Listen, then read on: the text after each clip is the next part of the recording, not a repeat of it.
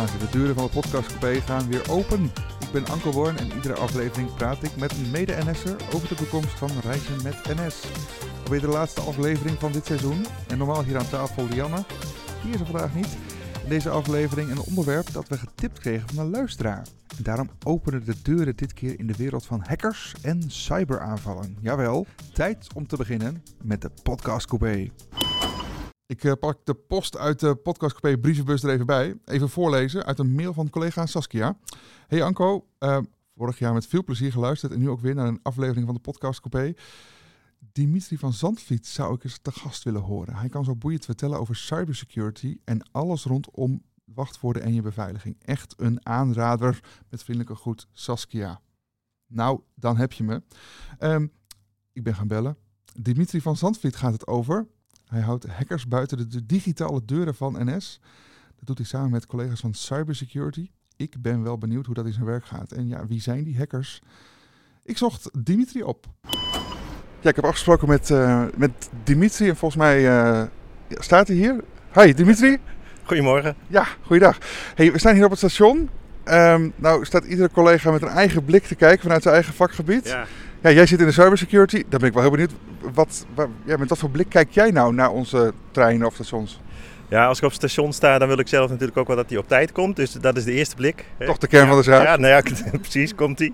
Komt hij op tijd. Uh, ja, jij doelt natuurlijk wel een beetje op de digitale bril waarmee ik uh, kijk waarschijnlijk. En als we nou hier naar het station kijken, dan, ja, dan zie je dat dat een soort van ultieme samenkomst is van de fysieke wereld en de digitale wereld. De dus... fysieke en de digitale wereld komen hier al samen. Ik zie vooral fysiek, maar leg uit, wat bedoel je met digitaal? Nou, als je kijkt, uh, daar bijvoorbeeld zie je die, uh, die, die camera's. Hè? Dus de camera's, daar worden de stations... Ja, boven de perrons, even voor de, voor de luisteraars. Ja, boven, ja? boven de perrons. En uh, dat is om de, de sociale en fysieke veiligheid te, te bewaken. Je ziet er overal roltrappen, daar zitten weer computers aan gekoppeld. Ja, wij staan, we kijken uit over Utrecht Centraal. En eigenlijk zie je dus overal digitale elementen in de fysieke wereld. Zeg ik het zo goed?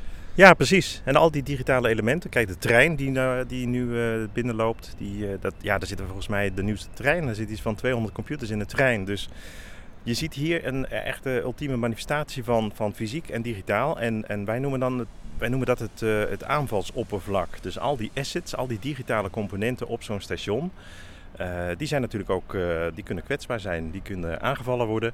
En met zo'n bril kijken wij naar die ja, fysieke en digitale wereld. Van hoe kun je daar nou op inbreken? Dus we kijken naar perron 8, maar jij ziet een aanvalsoppervlak. Ja, precies. Ja. Wauw, dat is ja, wel bijzonder. Ja, dat is dan mijn, uh, mijn bril de, van de werkelijkheid, ja. Hey, en ja, wat maakt dat nou zo mooi? Want ik merk je dat je er enthousiast over vertelt. Ja. Wat, waar zit het dat in? Nou ja, kijk, het, is uh, iedere dag in het nieuws. Hè. We worden aangevallen, er is uh, ransomware, er is... Uh, heel veel geld gaat er om en dan met name in bitcoins, in allerhande zeg maar cryptovaluta. Moeten er betaald worden hè? Als, als, als zaken versleuteld worden, als bedrijven aangevallen worden of afgedreigd worden. zaken worden platgelegd. En dat is natuurlijk, dat gaat 24-7 door.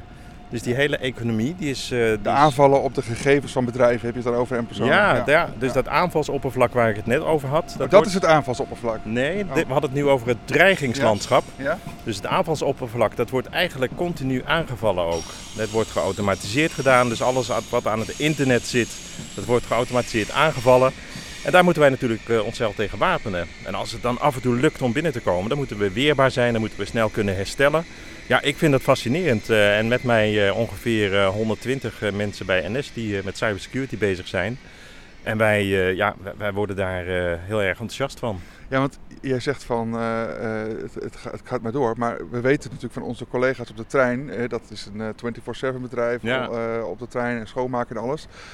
Maar jouw de aanvallers en de hackers zitten natuurlijk ook niet stil. Dus jij hebt ook een 24-7 vakgebied. Ja, zeker. Wij kijken natuurlijk uh, de hele dag door en de nacht door naar de, de aanvallen die uh, onze kant uitkomen. Dat doen we natuurlijk niet alleen. Daar hebben we ook zeg maar, dreigingsinformatie feeds voor, waar we op geabonneerd zijn. We hebben een, een, een operating center wat ook met ons meekijkt. Dat hebben we deels uitbesteed, deels doen we dat zelf. We hebben de NCSC uh, onder andere die uh, ons uh, van informatie voorziet als er aanvallen zijn. Ja, dat is de Nationaal Coördinator bedoel je? Ja, Nationaal ja? Coördinator Cybersecurity. Je, je, weet er ook wat van. Ja, ja, ik heb een beetje voorbereid. We hebben nog vacatures. Ja, dus ja, met z'n allen zijn we druk bezig om enerzijds dus te kijken van wat komt er op ons af. En anderzijds gewoon om voor te bereiden op als het gebeurt, zijn we dan ja, weerbaar genoeg. Ja, daar ben ik wel benieuwd naar. Dus wie zijn er ehm, eigenlijk uit op die gegevens, de buit van, van NS? Daar gaan we het nog even over hebben. Ja, inmiddels zitten we op een rustig plekje. Ja, ik ben wel benieuwd waar die hackers dan op uit zijn en ja, hoe we ze buiten de deur houden. Want dat lijkt me een belangrijke zaak. Dimitri, um, Even eerst, hè. Kun je vrij uitspreken over dit soort dingen? Ja, deels wel. Het meeste, meeste kunnen we natuurlijk wel, uh, wel delen. En ik weet ook wel wat ik wel en niet kan delen. Maar we hanteren binnen de, de cyberwereld wel een uh, traffic light protocol. Een, een uh, stoplichten okay. kleurcodering. Oké. En als het TLP rood is, dan, dan delen we dat verder niet. Dus als we van de veiligheidsdiensten informatie krijgen, dan mag dat niet altijd gedeeld worden. En dan moet je daar zelf mee aan de slag. Ja, dus jij weet een beetje van, dit zijn informatie die kun je gewoon dus openbaar en dit is ja, wat, dit valt onder de eh, categorie... Wit, wit, wat we vandaag bespreken is Ah, heel goed. Dus dat, nee, dat is goed om te weten. Um, ja, wat maakt cyberveiligheid nou voor NS net iets anders dan voor een gemiddeld bedrijf? Wat, wat kunnen we daarover zeggen? Nou, enerzijds denk ik dat de NS ook gewoon een gemiddeld bedrijf is. Dus de, heel veel van die aanvallen van, van hackers die worden geautomatiseerd uitgevoerd. Oh, hackers hebben ze het zichzelf al makkelijk gemaakt? Ja, die zijn, uh, ja, zeker. Die zijn ook efficiënt. Die hebben een businessmodel. En die willen eigenlijk zoveel mogelijk geld verdienen. Dus heel veel wat zij kunnen automatiseren, dat is het aanvallen. Dat wordt uh, het scannen natuurlijk op het internet. Dus als je aan het internet gekoppeld bent, en wie is dat niet tegenwoordig als organisatie, dan uh, worden die internetkoppelingen automatisch gescand. En als daar kwetsbaarheden in zitten, dan worden die deels ook al automatisch ja, aangevallen. Ja, het roept meteen allerlei vragen op, want ik vraag me af, wie zijn dat? Maar eerst eventjes, als we kijken naar ons bedrijf, naar NS. Ja. Wat is dan, ja, ik noem het maar even de buit. Waar, wat zijn de gegevens waar ze op uit zijn? Of waar we het meest ja, uh, zuinig op zijn, laat ik het maar zo uh, ja. formuleren? Ja, ik, ik, zal eerst de vorige vraag nog even afmaken, want ja? je vroeg wat, uh, wat het uniek maakt. Ja. Kijk, de, de, de, de OT-kant, de operationele technologie, dat maakt de NS wel uniek. Dus de, alle zaken op de stations, in de treinen en de, de koppelingen in de, in de sector natuurlijk met ProRail, de data die we daar uitwisselen dat zijn wel redelijk uh, unieke systemen. Zo'n trein heeft een, eh, een tractiecontrole-unit om uh, dit ding te laten rijden en te laten stoppen. Dat is, dat is redelijk uniek. Ja, want je noemde het net al toen we buiten stonden, maar ja, hoe nieuwer de trein, hoe meer techniek. Ja, ja. ja, er komt steeds meer technologie in zo'n trein te zitten. En dat is natuurlijk bedoeld, bedoeld om zo meer, zoveel mogelijk treinen te laten rijden op die, op die rails. Want bredere treinen of hogere treinen, dat gaat niet lukken. Dus als we meer mensen willen vervoeren, dan zullen er meer treinen achter elkaar moeten komen. En dan koppelen we die treinen digitaal aan elkaar vast. Ja. En uh, op die manier heb je dus in de trein com meer computers nodig aan de wal om met elkaar te kunnen communiceren. Daar heb je 4G, 3G, 5G straks nodig om die data over, het, nou ja, over de ether te kunnen versturen. Ja, ik, dat is fascinerend. Ja. ja. dus wij sturen, en dat is, dat is wat je zegt, we sturen voor een deel die trein ook op afstand, en, maar hebben daar communicatie mee. Dat is dan al een, een, stuk techniek waar ze dus ja, mogelijk iets mee kunnen. Waar, ja, ja, ja dat is een onderdeel van het aanvalsoppervlak waar we het net eventjes over hadden. Ja. ja. En verder, wat valt er nog te zeggen over de, de, de, ja, de, de, de buit van NS? Ja, wat, wat NS ook nog uniek maakt is dat uh, NS natuurlijk onderdeel is van de vitale sector. Dus uh, de, het spoorsector is vitaal, ja. net als water, net als energie. Ja, we willen er gewoon niet zonder zitten. Nou, dat zag je bij de coronacrisis, dat het toch heel belangrijk is om al die zorgmedewerkers naar het ziekenhuis te vervoeren. Ja. Dan, dan kunnen ze ook behandeld worden, de mensen die ziek zijn. Dus in dat opzicht is het heel belangrijk, ook voor de economie is het belangrijk om de treinen te laten rijden en nou, sinds uh, eh, 23 december vorig jaar is NS ook aangewezen als aanbieder essentiële dienst. En dat betekent dat wij moeten voldoen aan de NIS-wetgeving. De NIS-wetgeving is het Europese cyberwetgeving. Nederlandse staat, dat is weer een afkorting hoor, maar staat hier voor de Wet Beveiliging Netwerk en infra, uh, Informatiesystemen. Ik stel me zomaar voor hoge eisen. Ja, dat valt op zich nog wel mee. Eigenlijk zijn het gewoon uh, basis hygiëne maatregelen. Het is een hele grote set aan maatregelen waar je aan moet voldoen. En je moet aantonen ieder jaar dat je de, zeg maar, de controle hebt op de werking van die maatregelen. En dat is, uh, ja, is ook nieuw voor NS. En uh, daar, moeten we, daar zijn we druk mee bezig om dat te implementeren. Ja, want je hebt het net al over ja, de belangrijkste wat NS doet, het laten rijden van de treinen. Maar ja, er zijn natuurlijk ook allerlei bedrijfsgevoelige gegevens. Gewoon ja. ja documenten, kan ik me voorstellen. Daar hebben we het neem ik aan ook over. Eigenlijk hebben wij het eh, heel vaak over assets. Dus eh, data is een asset, maar Ja. ook een eh, computer is een asset. Een firewall is een asset. En op al die assets kijken wij op drie aspecten. Dat is de beschikbaarheid, de integriteit en de vertrouwelijkheid van zo'n asset. Dus als het heel, heel erg beschikbaar moet zijn, nou, dat, bij het laten rijden van treinen is dat natuurlijk het geval. Hè? Ja. Beschikbaarheid is heel belangrijk bij ons. Dan krijgt het een 3. Als het een 1 krijgt, dan is het, eh, hoeft het niet eh, altijd aan te staan. En als het eh, iets een 3 heeft op die B, die I of die V, dan, dan is het een kroonjuweel bij NS. Dan is heel Ah. belangrijk. En daar zijn we dus extra zuinig op en daar letten we dus extra Daar op. letten we Ja, heel erg goed op. We moeten ook op de rest letten natuurlijk. Ja. Want kijk, ze kunnen via allerlei aanvalspaden kun je naar die kroonjuwelen toe komen. Ja. Maar die zijn, eh, die zijn belangrijk. Nou zijn er luisteraars die luisteren en denken, ja, IT, dat is, ja, ik heb een telefoon en ik heb ook wel een laptop thuis, maar ja, zo in thuis ben ik er nou ook weer niet. Ehm, ik probeer het eens even heel concreet te maken. Ik kan me voorstellen dat gegevens staan opgeslagen ergens. Hè? Een trein die rijdt, maar als je ergens op je laptop iets opslaat, staat het op je laptop. Ja, Wij bij NS slaan ook dingen op. Maakt het uit waar je het opslaat, afhankelijk van hoe je het beveiligt? Hoe... ja maar dat is, dat is juist het hoofdpijndossier wat Oh. je nu benoemt. Ja, zeker, want eh, data staat inmiddels overal. Ja, Als je vroeger keek eh, naar, zeg maar, 20 jaar geleden, dan hadden we IT in een soort kasteel eh, met een grote muur eromheen staan. Het was een, ons datacenter. ja. Daar stond alle IT en alle data stond daar op harde schijven. Nou, tegenwoordig is alles met cloud gekoppeld. Dus En, eh, voordeel, je kan er overal bij. Ja, En, en de bedrijfsonderdelen die, eh, die schaffen zelf eh, af en toe spullen aan en die, die koppelen dat via het internet. Ja. Mensen werken thuis natuurlijk. Hè. Sinds de coronaperiode heb je ook gewoon thuiswerkplekken. En Ja. dat, dat brengt ook allerlei uitdagingen met zich mee. Daar moet je tegen wapenen. Wij moeten zorgen voor goede controlemechanismes. Dat mensen thuis ook ve- veilig kunnen werken. Eerst werkten ze via Citrix, nu hebben ze een laptop. Ja. En dat betekent dat je op al die aanvalspaden, hè, kom je terug bij dat eh, aanvalsoppervlak, eh, Ja. moeten we zorgen dat op al die contactpunten, dat we goede controlemaatregelen neerzetten om te zorgen dat die data niet eh, gestolen kan worden, dat ze niet kunnen inbreken, dat Kun mensen je, niet kun je een gefisht voorbeeld kunnen van worden. geven of komen dan alweer een, een, schemergebied? Ja, nou bijvoorbeeld de e-mail. Hè? Ja. En, e-mail wordt natuurlijk heel veel gebruikt. Ik geloof dat wij iets van eh 4 miljoen e-mails eh, binnenkrijgen iedere maand. Als NS'ers met elkaar. Ja, allemaal. 4 eh, miljoen? Ja, ja, en die gaan allemaal door een wasstraat. Dus die wasstraat die kijkt, eh, zit daar bijvoorbeeld een attachment bij wat eh, niet zuiver is. Komt dat e-mail van een eh, partij af die niet bestaat. Hè? Dus daar zit daar een hackerscombinatiegroep achter bijvoorbeeld. Dus als hij bij mij in mijn inbox plant, dan is er al echt heel scherp Ja, er naar al, gekeken eh, ja. van... Ja, Ja, Dimitri mailt Anko, maar de, dat is vertrouwd, dus dat is goed. Precies, en bijna de helft van al die e-mails die wordt al eh, gewassen of geblokkeerd eh, zelfs. Die, Oh. komt, eh, die komt dan niet aan. En dat is de eerste filtering die we dan toepassen. Als, als mensen van e-mail gebruik maken en ze doen dat eigenlijk op heel veel, op heel veel manieren. Nou zei je net al van ja, er zijn dus verschillende kroonjuwelen, noemde je het. Ja. Ehm, ik ben wel benieuwd. Valt te zeggen wie het daarop hebben gemunt? Want ja, bij hackers denk ik toch altijd een beetje aan zolderkamerfiguren. Ehm, maar misschien eh, moet je dat even uitleggen. Ja, die, die, heb je nog steeds, die zolderkamerfiguren. Ja, de hobbyisten eh, hebben we het ja, dan over, hè? De, Ja. de script kiddies eh, noemen we dat ook wel. Ja. Het zijn eh, Die gewoon kinderen, proberen omdat ze het leuk vinden. kinderen die het, ja, precies, die het leuk vinden, die, die kijken hoe ver ze kunnen komen. Je hebt nog crackers, dat zijn dan ook kinderen die, die dan toch net iets verder gaan. Die proberen dan dingen te breken.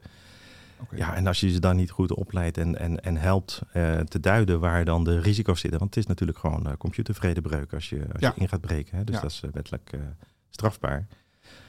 Dan, dan, dan kunnen ze naar een, ja, een hackerscollectief bijvoorbeeld groeien. En uiteindelijk de, de zwaarste vorm van, van aanval kun je verwachten van statelijke actoren. En, Statelijke actoren. Dan Ja. hebben we het echt over landen bijvoorbeeld. ja, landen en, en geheime diensten die, eh, die aanvallen. Dat zie je natuurlijk nu in de oorlog in eh, Oekraïne ook gebeuren. Hè? Dat eh, met name de, de Russische geheime diensten samenwerken met hackerscollectieven. En dan komt dan ook weer aan de andere kant een eh, anonymous collectief die dan zeg maar tegenaanvallen gaat doen. Ja. Ja, dat is eh, een enorme chaos daar. Nou heb ik gehoord dat er eh, eh, spoorwegen van andere Europese landen ook echt last van hebben gehad. Zeg ik dat goed? Ja, dat klopt. Ja, dus in de Oekraïne zelf natuurlijk zijn er aanvallen geweest op de railways. maar ook in Belarus toen de tanks van de Russen vervoerd werden Ja. naar de Oekraïne. Toen hebben ze de, de spoorwegen daar plat gegooid.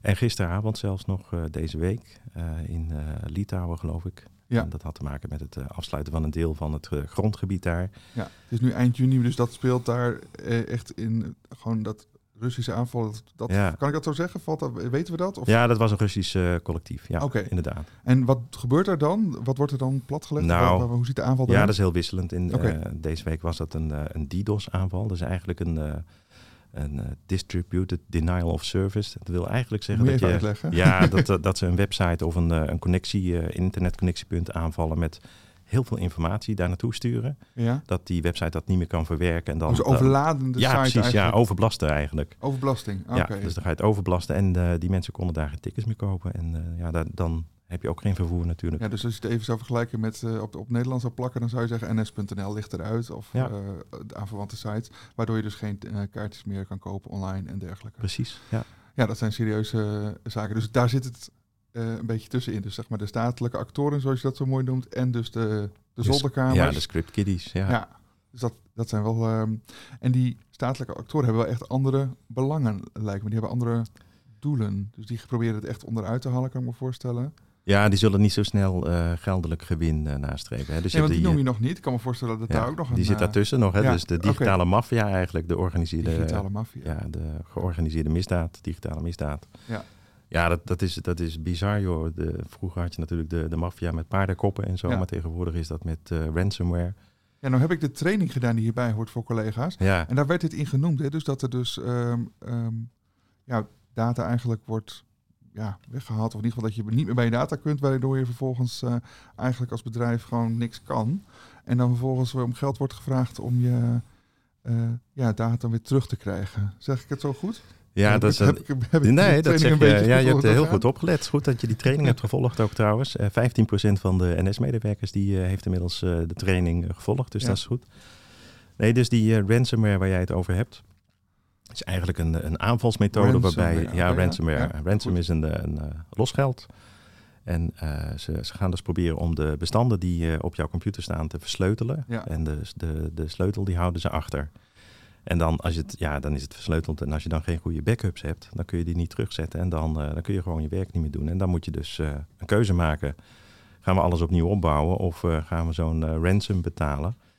En als je nou kijkt naar 2021, dan is er in eh, de hele wereld eh, al iets van 1 miljard aan ransom betaald. En eh, 1 miljard dollar. Losgeld, hè? Dus gewoon... Ja, losgeld alleen nog maar, het, zeg maar de, de, om die sleutels te krijgen. En dat wordt dan in, in bitcoin eh, afgerekend of in andere cryptovaluta, zodat dat minder makkelijk te volgen is. Ja, en ik stel me zomaar voor en dat verdwijnt dan. En je weet nooit wie, wie er echt achter zat. Of, Nou, heel vaak wel. Heel Oh. vaak kunnen ze dat ook nog wel eh, noemen. Dat, we noemen dat attributie. Oh. Eh, en, en zijn allerlei hackerscollectieven natuurlijk. Ja. En, eh, misschien ken je de namen Conti, Hive. Dat zijn eh, belangrijke die, eh, die ook in de railway inmiddels gezien zijn. En die, ja, die, dat is eigenlijk een, een, een, een- businessmodel voor hun. Ze proberen met zo min mogelijk effort zoveel mogelijk geld te verdienen. En die jongens die rijden ook allemaal Ferrari en Lamborghinis en zo. ja, dat blijkt. Want als Ja. je een miljard weet op te halen met elkaar. Ja, Ehm, valt te zeggen hoe het bij NS eraan toe gaat? Hè? Hoe hard zijn de aanvallen? Want je hebt nu dus geschetst wie er allemaal op de loer liggen. Nou, dat zijn er nogal wat. ja. Ehm, valt te zeggen hoe dat zit met de aanvallen hier. Hoe... Ja, nou kijk, NS wordt net als andere organisaties eh 24-7 aangevallen. Nou hebben we natuurlijk eh, hele goede eh, leveranciers die met ons eh, meewerken. We hebben eigen IT- eh, en cyberafdelingen die daar eh, mee bezig zijn. Dus we hebben aan die buitenkant natuurlijk heel veel maatregelen getroffen om die aanvallen te pareren. En Ja. eh, we hebben intern, mocht het toch een keertje slagen, hebben natuurlijk maatregelen getroffen om snel weer te kunnen recupereren. Ja, maar als ik even eh, probeer het eh, te, concreet te maken wat je zegt, dan zou ik zeggen, het klinkt wel alsof het nou aan de orde van de dag is. Ja, dat is zeker aan de orde van de dag. Ja. Ik zeg al, de, de, de helft van de e-mails die houden we tegen, omdat daar iets van phishing in zit, omdat daar een stukje malware in zit. Ja. Dus dat is ja, aan de orde van de dag. En het is niet alleen bij de NS binnen, maar ook jij als particulier hebt daar natuurlijk mee te maken. Ja, je luistert naar de podcast Kobe met deze aflevering te gast Dimitri van Zandvliet over zijn specialisme cyberveiligheid. NS heeft dus kroonjuwelen, hebben we gehoord. Hoe houden we al die digitale nieuwsgierige aagjes buiten de deur? Ehm, ik ben wel benieuwd. Dimitri, laten we eens beginnen bij onze nieuwe Intercity. We hebben hem al genoemd. Dat is ook eh, IT. Hoe, ja, hoe zorg je daar voor de veiligheid? Of die eh, muur van eh, eh, het kasteel waar je het al over had? Ja, dus die, die kasteelmuur die zijn we langzamerhand een beetje aan het loslaten. Hè. Ik vertelde al over cloud. Ja, En eigenlijk is zo'n trein ook gewoon een datacenter op stalen wielen. En daar zit natuurlijk heel veel data in. Daar wordt heel veel data mee uitgewisseld. En uh, eigenlijk kijken we al bij het bestellen van zo'n nieuwe trein naar wat voor maatregelen treffen we bij, willen we bij de leverancier zien. Dus uh, in onze specificaties voor die trein nemen we al cyber requirements op. Oh. Dan gaan we bijvoorbeeld met ethische hackers gaan we modelleren. Dus, ja, want wij bouwen natuurlijk zelf niet onze trein, maar de opdracht die wij geven, daar zit al in, het moet cyberveilig zijn. Het moet cyberveilig Oh. zijn, dat noemen we by design en by default. Cyber security Ja, dus by hij rolt al veilig uit de fabriek. Dat moeten we natuurlijk wel blijven testen. En, Ja. en daarvoor uh, zetten we processen op om uh, gaandeweg, eh, als ze afgeleverd worden, maar ook daarvoor doen we uh, dreigingsmodellen maken we. En dan gaan we allerlei scenario's doorlopen om te kijken van hebben we alles goed doordacht, zitten alle controlemechanismes, zijn die op orde. Dan wordt zo'n trein afgeleverd en dan gaan we natuurlijk in de operatie gaan we monitoren. Dus we zijn ook bezig bij, bij operatie om voor al die treinen uh, security appliances uh, aan te schaffen. Security appliance. Okay. Appliances, dat zijn uh, eigenlijk firewalls die op de trein geplaatst gaan worden om te kijken welke data op die trein binnen zeg maar zo'n trein heen en weer gestuurd wordt. Vanuit de trein naar de, naar de operatiecenters. En uh, daar wordt gekeken of dat daar bijvoorbeeld uh, afwijkende patronen... Oh, gekke dingen. Gekke dingen gaan Ja. gebeuren. Dus zo'n trein gaat leren. We noemen dat uh, machine learning en anomaly detectie. Dus op de trein zit ook al Ja. de registratie Nou, van dat, het standaard. ja, dat wordt nu eh, Ja. uitgezet in de markt en daar wordt nu op ingeschreven. En Ja. ja. ja, binnen een paar jaar zullen die eh, spullen op de trein zitten. En eh, ja, dan gaan we daar ook met eh, artificial intelligence eh, op de trein eh, aan de slag. Ja, veel mooie woorden. Je noemde ook ethische hackers. Ik ben Ja. benieuwd. Wat bedoel je daarmee en wat, hoe maken we daar gebruik van? Want dat zijn dus de hackers aan onze kant. Hè? Ja. Zeg ik het zo goed? Ja, de goede hackers eh, worden ze wel genoemd. Ja. Ehm, wij hebben eigen, een eigen team, een eigen testteam. En daar zitten ook een aantal eh, ethische hackers in. En die, eh, die doen eigenlijk eh, vol continu eh, ja, opdrachten in, in, in het aanvallen, het simuleren van aanvallen, maar ook zonder echt het aanvallen zelf. Van onze, van onze kroonjuwelen, van onze assets, eh, nieuwe zaken. Ze kijken bijvoorbeeld mee bij eh, eh, contracten die we, die we hebben. En we noemen dat ja, ook, ook hier weer zoveel mogelijk aan, de, aan het begin, by design en by default. En zoveel mogelijk naar links bewegen in de keten van ontwikkelen van software. Ja, Shift left noemen we dat. En eh, ja, dat hele team is natuurlijk ook niet alleen aan het aanvallen, maar ook eh, aan het zorgen bij, bij de development teams. We hebben er heel veel bij ja, dus eh, NS. de ontwikkelen van nieuwe Ja. IT, nieuwe Doe software. dat, doe dat alsjeblieft eh, vanaf het begin eh, veilig en doe dat Ja. eh, secure. En dan eh, bespaart dat natuurlijk een hoop geld. Als je dat aan de achterkant er nog eens aan moet bouwen of op moet plakken, dan, eh, dan kost het veel meer. En daar begint het dus mee. Hè? Dus de nieuwe trein uit de fabriek of de nieuwe, de nieuwe software die gewoon ja, ontwikkeld wordt, dat dat veilig is. Maar die, als ik het goed begrijp, die eh, ethische hackers, die gaan dus ook gewoon ja, zich voordoen of gedragen als, ja, wat, wat zou nou een, een echte hacker Ja, nu doen? En dan kijken hoe ver ze komen. Zeg Precies. ik het zo goed? ja die, die Ja. buiten eigenlijk de kwetsbaarheden die in eh, assets kunnen zitten, die buiten Ja. ze uit. En dus we zijn onszelf een beetje aan het eh, testen op die manier. Dat is heel verstandig. Ja, Ja. ja. Eh, Dat doen we structureel ook. Ja. Oké, ehm, als we het nou hebben over ehm, ja, eh, alles wat NS doet, dan zeg je eigenlijk al van ja, nou, ik, ik, ik, hoor- ik luister, luister naar je en je zegt van we kunnen bij het bouwen van eh, spullen al eh, even de veiligheid erin stoppen. We kunnen onszelf dus eh, goed testen met die ethische hackers. Wat kunnen we nog meer doen? Of wat kunnen collega's zelf doen? Nou, collega's, eh, we, we rekenen heel erg op de collega's. Je had het net al over de, de opleiding die je gevolgd had. Ja. Dus wij hebben De een, online eh, training ja. die iedere collega kan doen. Hè? Iedere ja. collega, iedere collega heeft als het goed is ook een eh, e-mail gehad, een uitnodiging gehad om eh, de, de. We hebben een tijdje geleden een, eh, een nulmeting gedaan en gekeken van waar zitten nou onze. Ja, waar zit de kennis bij, eh, bij medewerkers en waar ontbreekt die een klein beetje? En eh, op basis van die nulmeting hebben we een aantal trainingen geselecteerd en die, eh, die kunnen medewerkers nu volgen. Dus er is nu een set van drie trainingen die, die uitgestuurd is. Zoals ik al zei, 15% van de medewerkers heeft die gevolgd.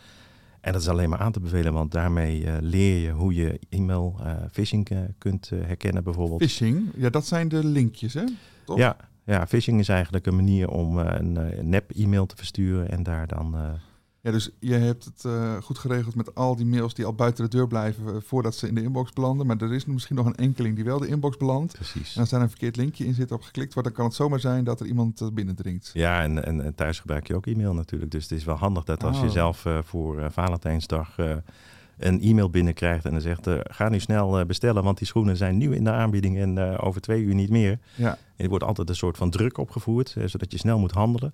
Of een helpdesk die zegt, je moet nu onmiddellijk je wachtwoord wijzigen van de bank bijvoorbeeld. Ja. want je bent training is dus ook handig voor thuis. Dat is eigenlijk training is absoluut handig voor, voor thuis, ja.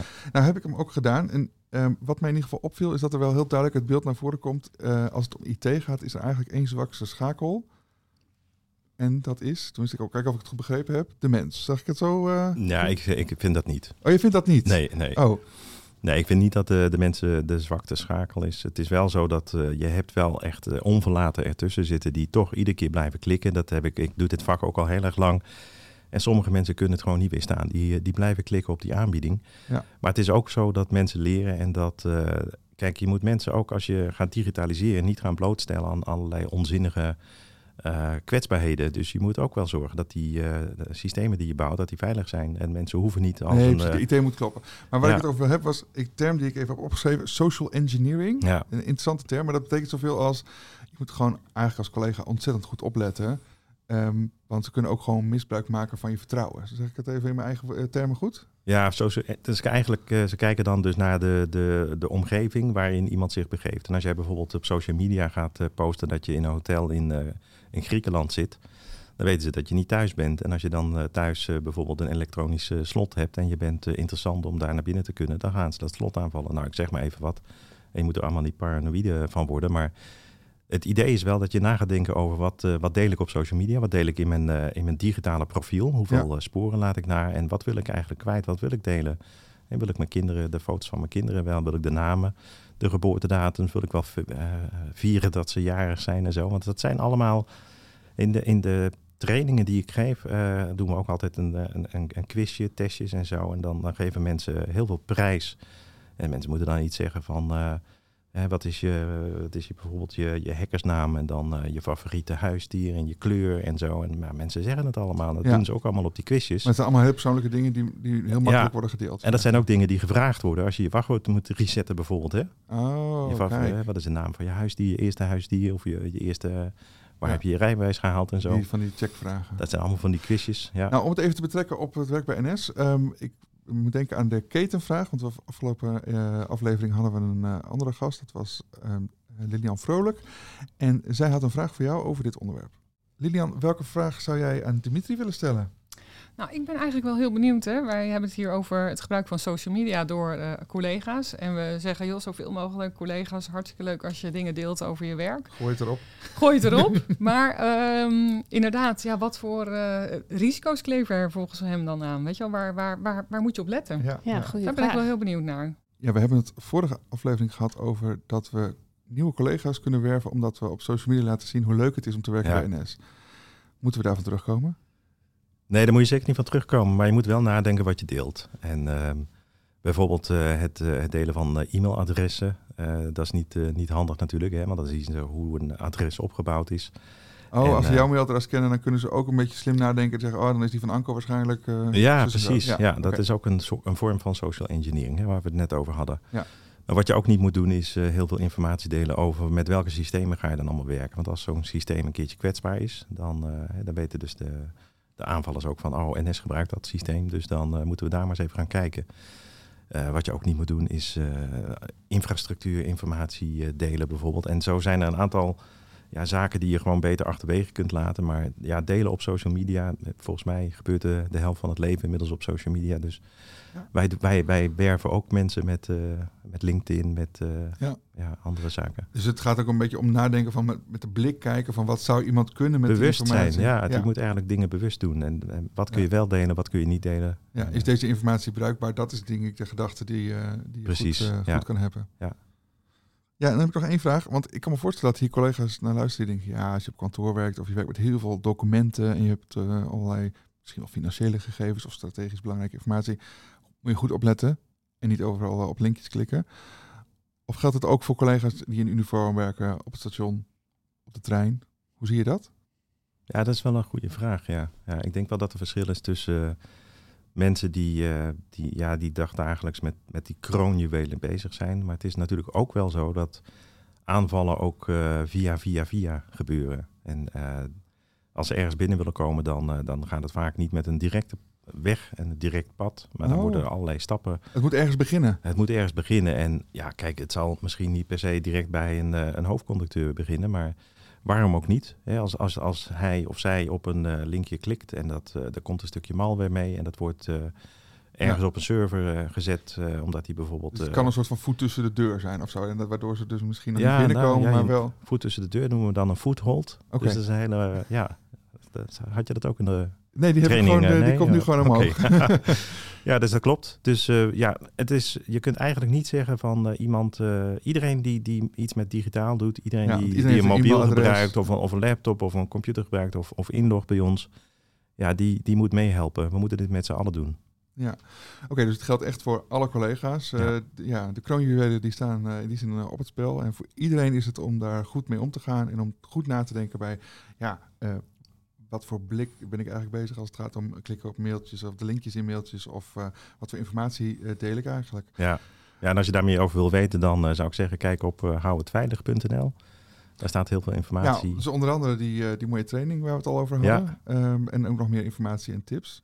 Bijvoorbeeld over wachtwoorden volgens mij, als ik me niet vergis. Het staat van alles op. Ja, bedankt allemaal voor het luisteren. En Dimitri, bedankt dat jij te gast wilde zijn in deze laatste aflevering eh, van het seizoen. Ja, leuk. Dankjewel. Wil je reageren? Stuur een mail naar redactie.ns.nl eh, of zet een bericht op Jimmer met de hashtag podcastcoupé. Dat vinden we leuk. Dit is de podcast speciaal voor NS'ers. En eh, dan zeg ik, hou je data veilig. En tot de volgende keer in de podcast coupé.